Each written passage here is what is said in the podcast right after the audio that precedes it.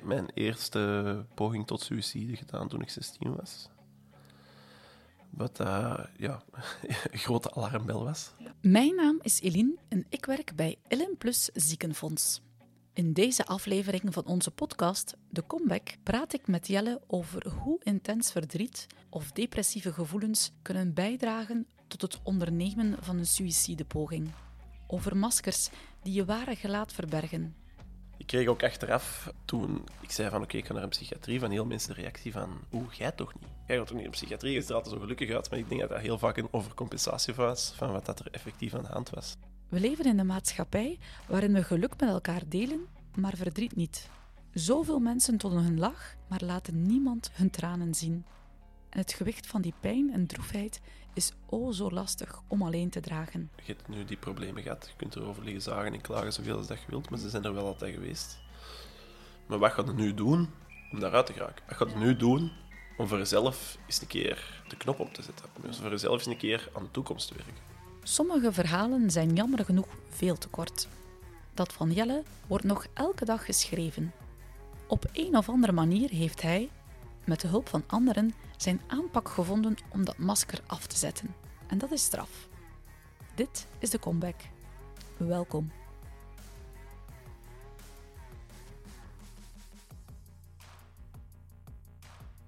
Jelle ontvangt ons in zijn appartement in Schellebelle. Hij is BMX-coach en vrijwilliger bij Te Gek, dat geestelijke gezondheid en psychische problemen nog meer bespreekbaar wil maken. En dat thema maakt me precies een beetje zenuwachtig, meer dan anders. Misschien omdat ik ook in mijn eigen omgeving mensen heb verloren door zelfdoding, of misschien wel omdat ik niets verkeerd wil zeggen. Gelukkig is er die ontwapenende lach van Jelle die me heel snel op mijn gemak stelt. Hey Jelle, uh, goedemorgen. Fijn dat je even de tijd nam voor dit interview. Uh, wie ben je precies?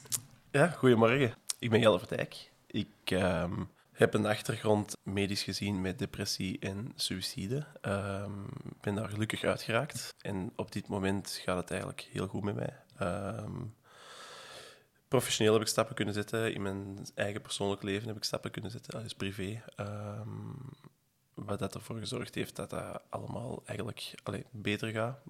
We gaan het hebben over mentaal welzijn, maar ook over dat stukje dat erbij komt, over zelfdoding. De zelfdodingscijfers in Vlaanderen liggen helaas hoog. Mhm. In 2020 lieten 970 Vlamingen het leven na zelfdoding, van wie 703 mannen uh, en 267 vrouwen. Als we het dan hebben over de pogingen tot zelfdoding, komt dat uh, neer op gemiddeld 23 suïcidepogingen per dag. Ondanks veel hulpverlening en sensibiliseringscampagnes mhm. is dat toch een hoog cijfer?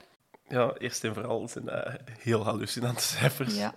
Um, we zien wel dat de sensibilisering rond, rond suïcidepreventie op gang is gekomen en dat, dat, wel vol, allee, dat ze er volop mee bezig zijn. Mm Ehm, maar ik denk dat er nog een, een, redelijk groot taboe rond hangt ook. Dat, er, dat het heel moeilijk is. En ik denk dat we het in de cijfers ook zien dat het, dat het bij mannen hoger ligt dan bij vrouwen.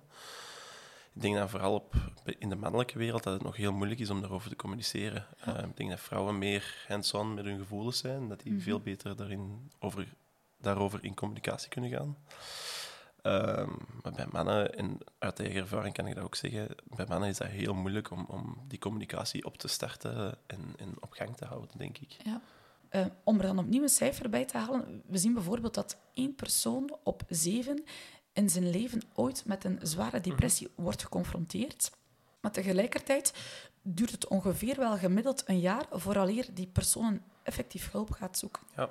Ik denk dat een eerste, een eerste struikelblok erin de erkenning ervan is. Er is natuurlijk een duidelijk verschil tussen uh, op een bepaald moment zelf verdrietig voelen over iets of over een op een bepaald moment uh, boos voelen over iets en effectief in depressie zitten. En ik denk het, de grijze lijn die de overgang maakt, dat het heel moeilijk is om die te herkennen. Ehm, vanaf wanneer zit je in een depressie en vanaf wanneer herken je het voor jezelf mm van dit is een depressie. Um, ik heb bijvoorbeeld heel erg bij mezelf gemerkt dat achteraf gezien ik depressie begin, begin te creëren vanaf rond mijn twaalfde jaar. Alleen vanaf mijn twaalf jaar ongeveer. Maar dat ik het pas echt zelf erkende toen ik 16, 17 jaar was. Okay. Um, En achteraf, als je erop terugkijkt, kunnen zien van oké, daar is het wel begonnen en, en, daar is het beginnen ontwikkelen. Ik heb het zelf ervaren dat het heel moeilijk is om te erkennen van dit is het effectief. Ehm, ook omdat er nog altijd het taboe rondhangt van je bent een beetje gek. Ja, je moet een psycholoog opzoeken, je moet hulp gaan zoeken, je moet uh, eventueel medicatie pakken. En je krijgt, of zo ervaarde ik het toch, heel hard het gevoel van je bent niet datgene wat in de maatschappij hoort. Je bent niet datgene wat dat conform is met um, wat dat ze van u verwachten. Mhm. En um, ja, ik denk, dat, ik denk dat je dat heel lang, of ik heb dat toch voor mezelf gedaan, ik heb dat heel lang voor mezelf ontkend. Van, het is zeker geen depressie, het is zeker geen ziekte of een, een andere aandoening. Um, en dan uiteindelijk, ja, vanaf het moment dat ik het voor mezelf kon toegeven, van oké, misschien is het dit toch, mm heeft dat mijn proces een stukje in gang kunnen zetten, maar het heeft heel lang geduurd. Jelle voelt zich als tiener niet goed in zijn vel. Hij wordt gepest door leeftijdsgenoten. En er is meer aan de hand. Je had mhm. ook een moeilijke thuissituatie met je vader. Mhm, klopt. Je deed ook aan automutilatie. Mhm. Ehm, welke zaken zorgden er eigenlijk voor dat, dat uit het leven stappen toen voor jou de enige oplossing leek? Ja, het is zo het typische beeld van een tunnel zonder licht. Hè. Ehm, elke rationele gedachte zegt, er is wel een een lichtje aan het einde van die tunnel, maar je ziet het gewoon echt niet. En zolang dat het niet in je zicht is, is het gewoon heel moeilijk om dat te herkennen. Ehm, wat dat ook maakt dat het ja, steeds zwaarder en zwaarder wordt. Um, ik kon op een bepaald moment geluksmomenten ervaren, mhm. maar van het moment dat die momenten voorbij waren, viel je eigenlijk meteen terug in het oké, ik zie dit allemaal niet meer zitten. Ehm, en dat is, een heel, dat is een heel moeilijke gedachte. Je hebt eigenlijk geen soort van basis om op te bouwen ehm, mhm. als er iets slecht gebeurt. Of als er iets moeilijks gebeurt. Ehm, als ik 17, 18 jaar was, ging ik ook gewoon uit met mijn vrienden. Gingen wij ook gewoon naar een feestje. En dan was dat gewoon leuk. Alleen dan gingen wij gewoon, we gingen feesten en dat was plezant. Maar van het moment dat je thuis komt, is het gewoon, dan is het gewoon gedaan. En dan, dan, dan is dat geen gevoel dat, dat je met je meetrekt op dat moment. Want je komt thuis en je denkt, ja, dat is ook weer voorbij en we komen terug in de miserie terecht, bij wijze van spreken. Okay. Hadden je vrienden of, of je familie dan niet door dat er meer speelt?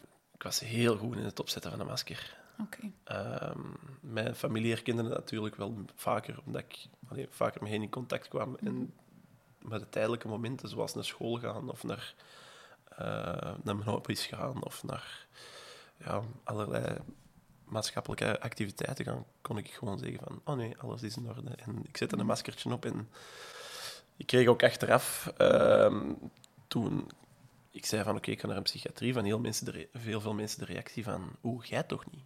Ja. Jij gaat toch niet in psychiatrie? Je ziet er altijd zo gelukkig uit, maar ik denk dat dat heel vaak een overcompensatie was van wat dat er effectief aan de hand was. Ja. Wat heeft er dan voor gezorgd dat je toch de stap naar hulpverlening hebt gezet? Mm, ehm, ik heb mijn eerste poging tot suïcide gedaan toen ik 16 was. Wat uh, ja, een grote alarmbel was. Ehm, ik had eigenlijk preventief al veel sneller bij hulp moeten terechtkomen. Mhm. Ehm, nu, ja, voor mezelf en voor mijn moeder ook was het heel moeilijk herkenbaar wat dat er natuurlijk aan de hand was. Mm ja, na die poging is dan eigenlijk de beslissing genomen vanuit de huisarts van oké, misschien moet je toch eens een keer hulp gaan opzoeken, want dit is niet meer... Allee, dit is gevaarlijk voor jezelf en de mensen rondom u. Mhm. Ehm, en dan is de eerste hulp opgestart in de vorm van een psycholoog. Ehm, maar ja, ik was er op dat moment niet, niet klaar voor. En om daar verder op in te gaan... Allee, ik, had het, ik had het idee, en ik denk denk dat dat heel vaak een beetje de verwachting ook is, wat dat een moeilijkheid is. Dat het mij heel acuut zou helpen. Dat het mhm. meteen een effect zou hebben. Ehm, terwijl, ja, op vlak van, op vlak van hulp is het vaak chronisch, denk ik. Dat je heel, heel lang een bepaalde hulp, alleen een bepaalde hulp moet aanhouden. En dat je ook weer zijn eigen soort van manier daarin moet vinden. Ehm, ik weet dat er bijvoorbeeld met medicatie, dat dat voor heel veel mensen heel goed helpt, een mhm. antidepressiva. Maar voor mezelf, was dat, ik vond dat verschrikkelijk. Dat was, ik, vond dat, ik vond dat echt... Het, het ja, dat... En vooral dan het, het idee of effectief het, het effect van het de effect, medicatie. Het Ja. effect van de medicatie. En zo is dat met- volgens mij met alle dingen. Ehm, als je een psycholoog opzoekt, of een- bij mij de psychiatrie dan, de psychiatrie heeft voor mij een enorm goed effect gehad, maar er waren mensen die dat even goed in de psychiatrie zaten, die dat het er heel moeilijk hadden, en waar dat het niet, geen effect op had. En ik denk dat dat het moeilijke is. Je moet daar je eigen manier in vinden om, ja, om die problemen te verwerken, om, om daarmee op te, om te gaan. En ehm, ja, ik vind dat heel moeilijk om dan te zien dat veel mensen zeggen van, oh ja, maar dat is niet mijn ding, ik geef het op. Ehm, terwijl het gewoon is, ja, dat is niet uw ding, maar probeer eens iets anders, Oké. denk ik dan. Ja. Ehm, ik maak altijd de vergelijking met een armbreek. Als je een arm breekt, dat is heel duidelijk wat dat er aan de hand is. Ehm, dat is heel duidelijk welke hulp dat je op dat moment nodig hebt. En dat is hier niet het geval. Ehm, er zijn zoveel verschillende redenen waarom dat je in depressie kunt terechtkomen of waarom dat je suïcide, angsten of gevoelens hebt. En daar meteen de eerste de beste hulpverlening aan... Allee, het is leuk, hè? Het is leuk als de eerste beste hulpverlening helpt. Ja, dat uiteraard, dat werkt, ja. dat, is, dat, is, dat, is, dat, is, dat is prachtig. Maar Ja. ja. om dan meteen te zeggen van... Ah, dit werkt niet, dus ik kan er maar beter mee stoppen, is... En ik heb zelf de fout ook gemaakt. Ja. Allee, ik heb zelf de fout ook gemaakt dat ik zeg van ja, ik zit hier nu bij een psycholoog. Ik kreeg, geen, ik kreeg op een sessie geen tien woorden over mijn lippen. Oké. Ja, op, die, op dat moment was dat gewoon niet mijn manier om therapie te ervaren. Voor Jelle is het eerste contact met een psycholoog geen match. Wat beter voor hem werkt, is een opname in een psychiatrische instelling. Ja, ik vind dat gigantische meerwaarde in mijn leven geweest. Ik zou, dat is misschien heel raar om te zeggen, maar ik zou het elke keer opnieuw gedaan hebben. Ja. Ehm, ik denk dat er nog heel hard het, het taboe gecreëerd is door media of, of door, door allee, dus historisch in de media van het, het, het typische dwangbuizen. Ja. het typische dwangbuizenbeeld, ehm, wat dat totaal niet het geval is. Pas op, dat is moeilijk daar zitten. Dat is, niet, dat is, dat is, Ja. dat is geen walk in the park, zoals Ja. de Sint-Engels zeggen. Maar voor elk moment dat ik daar mezelf slecht geconfronteerd, depressief gevoeld heb, hebben wij ook momenten met de mensen daar meegemaakt. Zodat wij, ja, ik, ik heb de meest prachtige herinneringen aan, aan daar zitten met momenten. Ehm, ik heb daar banden met mensen gesmeed die dat voor het leven zijn. Ik heb daar vriendschappen gecreëerd die dat voor het leven zijn. Mhm.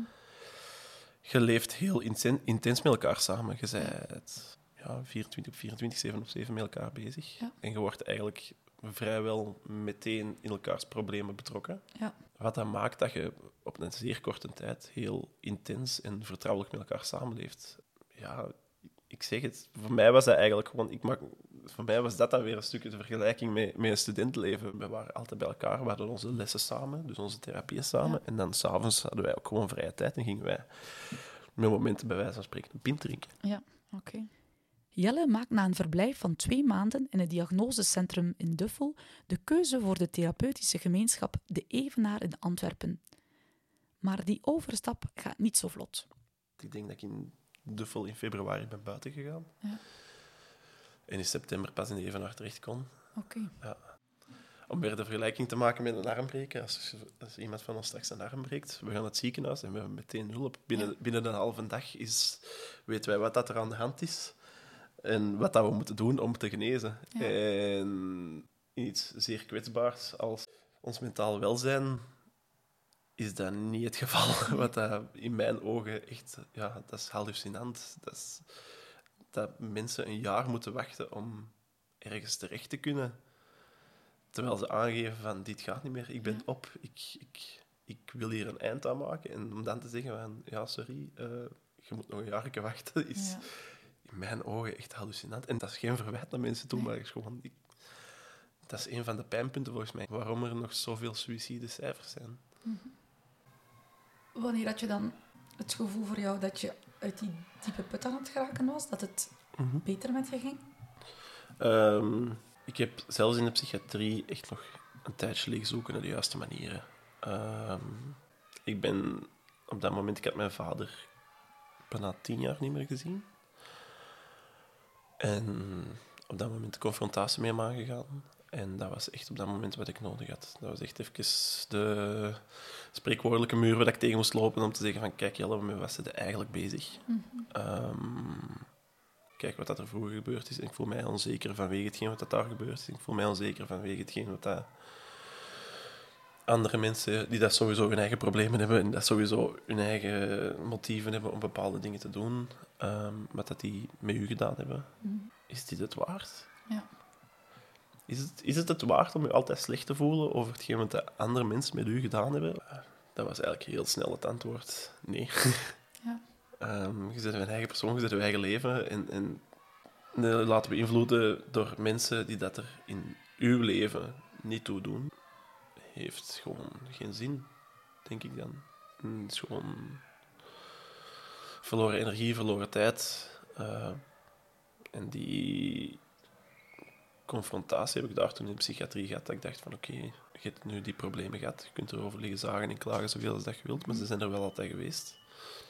Maar wat gaat je nu doen om daaruit te geraken? Wat gaat je nu doen om voor jezelf eens een keer de knop op te zetten? Om voor jezelf eens een keer aan de toekomst te werken? Wat wil ik? Ja. Um, want je bent altijd bezig met, geweest met wat de andere mensen willen en wat de andere mensen van u verwachten, maar wat wilde zelf? Ja. En dan ben ik daar toen op zoek naar kunnen gaan. En dat is eigenlijk op dat, op dat punt heel vlot gekomen. Dat ik ineens op een maand, twee maanden tijd zoiets had van oké, tak, tak, tak, tak, tak, dat wil ik met mijn leven doen. Mhm. En we hebben daar met de hulp van anderen plannen rondgemaakt. En dat is eigenlijk op dat vlak heel vlot gegaan. Dus gewoon ineens had ik een plan in het leven, wat ik nooit had. Ik had nooit een plan in het leven. Want als ik 16 jaar was, dan dacht ik, ik zou er een simpel job zoeken en uh, tegen dat ik 25 jaar ben, heb ik een, heb ik een gezin, huisje, tuintje, boompje, kindje. Ik was 25 jaar en mijn leven zag er allemaal anders uit, omdat ik een plan had. Ja. Omdat ik niet zoiets had van, ik wil, ah ik wil het simpel houden. Ja. Plots wou ik meer. Ja, ik denk dat die soort van ambitie wel met die, vanuit die confrontatie komt. En ik dacht van, ja, maar je moet niet settelen voor het simpelste wat er is. Je kunt, je kunt wel meer dan dat. Ja. Na een opname van tien maanden staat Jelle met een andere ingesteldheid in het leven. Hij heeft een plan voor de toekomst en is klaar om de evenaar te verlaten, ondanks de onzekerheid over de confrontatie met de dagelijkse realiteit. Ja, dat is, dat is zeer angstaanjagend, want je, je, je bent er ook van bewust van dat dat niet de normale maatschappelijke situatie is waar dat je in zit. Ehm, dat dat niet datgene is wat er maatschappelijk van u verwacht wordt en dat dat wel op een bepaald moment terug gaat komen. Mhm. En dat is, dat is wel best... Allee, dat is confronterend en angstaanjagend. Um, nu, die overstap is eigenlijk redelijk vlot gegaan. Ehm, ik, merkte, ik merkte wel dat er op het begin wel redelijk allee, gevoel van overcompensatie was. Mhm. Ehm, dat het zelfvertrouwen iets te ver ging. Mijn, oud, mijn, ma mijn, mama zei vaak dat, uh, dat op het begin even naar het arrogante begon toe te neigen.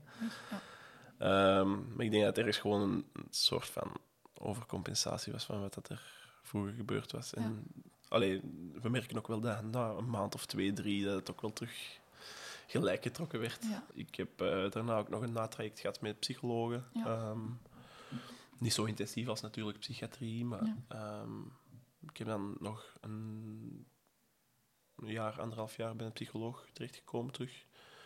Om gewoon het natraject te verzorgen. Ehm, en, maar ik ben op zich heel dankbaar voor, allee, voor hetgeen wat ik daar geleerd heb. Want op zich ook, gelijk nu ook, een paar maanden geleden ging het ook weer iets minder. Mm -hmm. Dan heb ik er ook geen probleem mee om nu te zeggen van oké, ik ga een psycholoog opzoeken. Ja, okay. Dus ik ben nu ook terug in behandeling. Ja. Niet omdat het terug zo slecht gaat dat ik me suicidaal voel of ja. um, dat ik suïcidegedachten heb, maar gewoon omdat ik zoiets heb van oké, ik zit met mijn eigen probleempjes waar ik zelf niet uit Ja. En ik heb iemand nodig. Allee, ik, heb, ik heb een klankbord nodig om erover te kunnen spreken. Ik heb er helemaal geen probleem mee om, om af en toe terug in die diep terecht te komen. En dat is wel iets waar ik nu wel heel veel zelfvertrouwen in heb.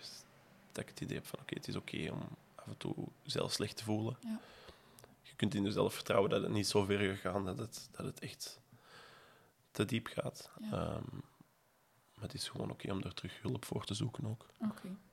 Dat vind ik een zeer mooie boodschap en eigenlijk ergens fijn, als dat het correcte mhm. woord is, dat er daar gewoon vrij kan over gepraat worden. Tuurlijk. omdat het ook iedereen overkomt. U. Tuurlijk.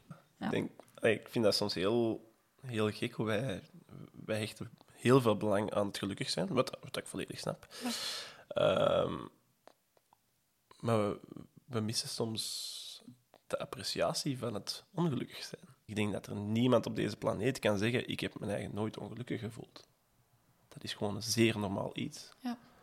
En ik vind het op zich nog heel gek dat we er nog altijd over doen alsof dat het iets zeer abnormaal is. Alsof dat iets is wat we niet mogen voelen. Alsof dat iets is wat dat er niet mag zijn. Er, van alle 7 miljard mensen die daar hier rondlopen, iedereen heeft dat al eens gehad. Iedereen heeft al eens gehad dat ze zeiden van, met welk probleem dan ook, hoe groot of hoe klein dat het ook is, dat ze zeggen van, ik voel mij hier niet gelukkig over, ik voel mij verdrietig over, ik voel mij er boos over. Mhm. Dat is compleet normaal. Ja. Dus ik vind dat heel gek dat we nog altijd in een soort van maatschappij leven waar dat het gewoon...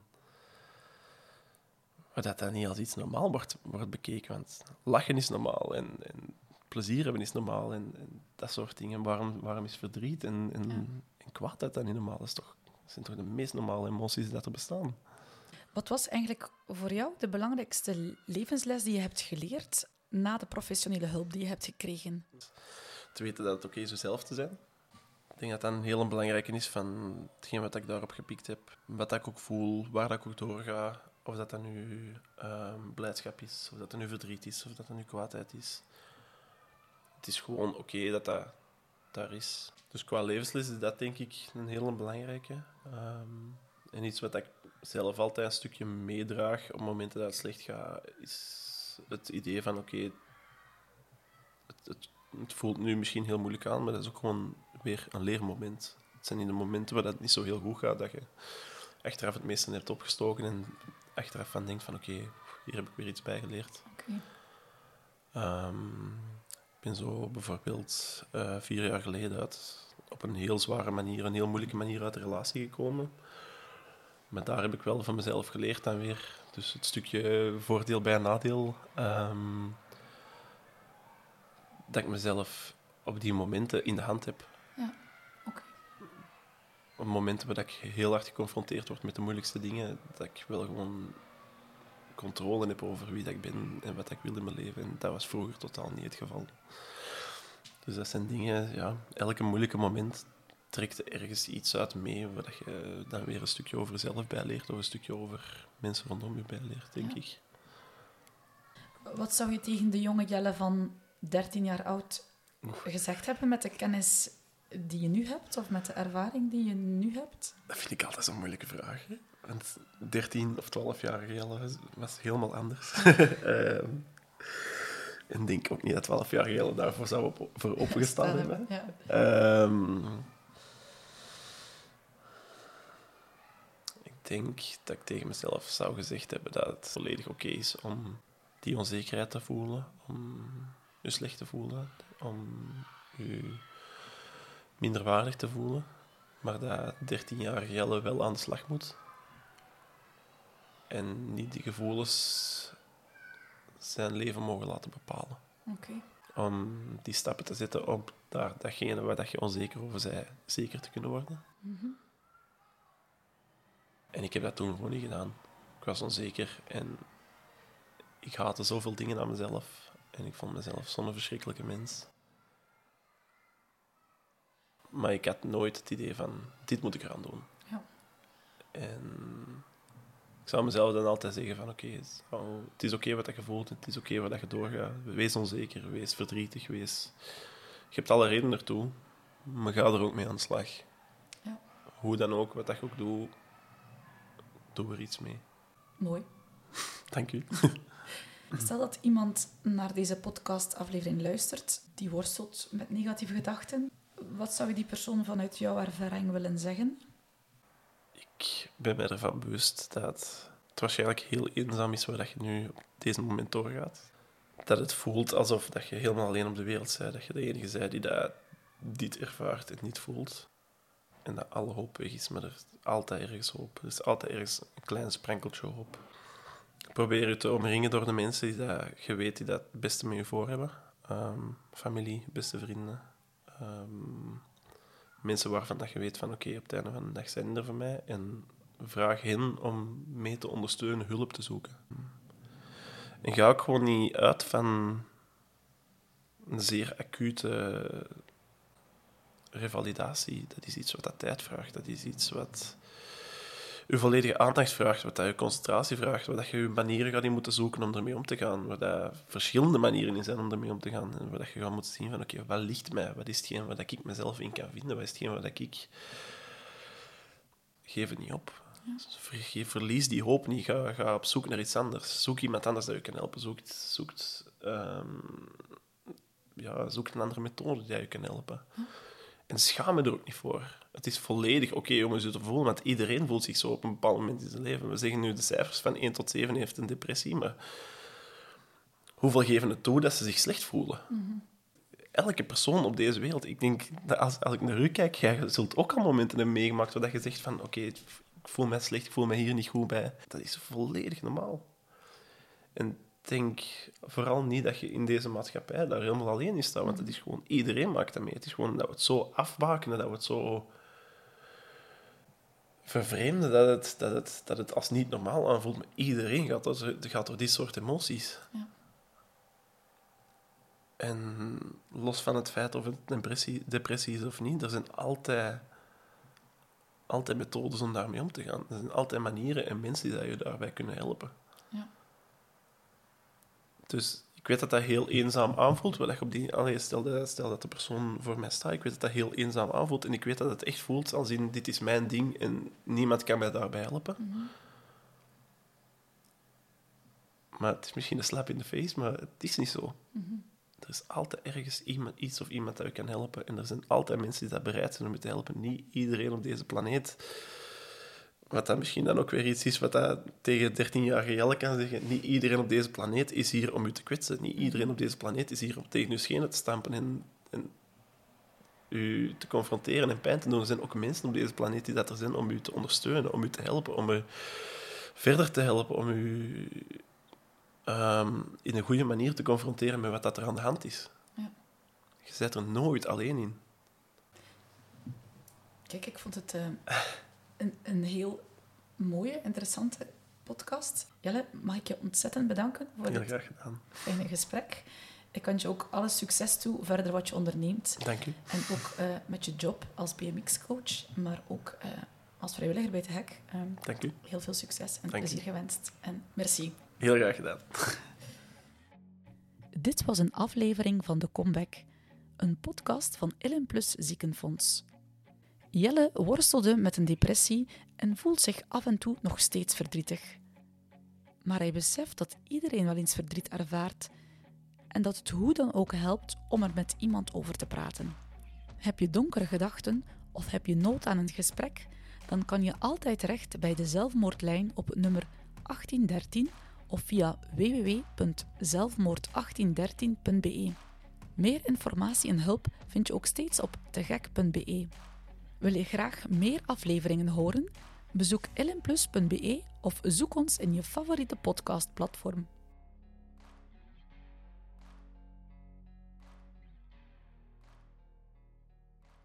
Wie je ook bent, wie je ook wil zijn. Welkom bij LM, jouw ziekenfonds voor ieder levensmoment. Kijk op lm.be.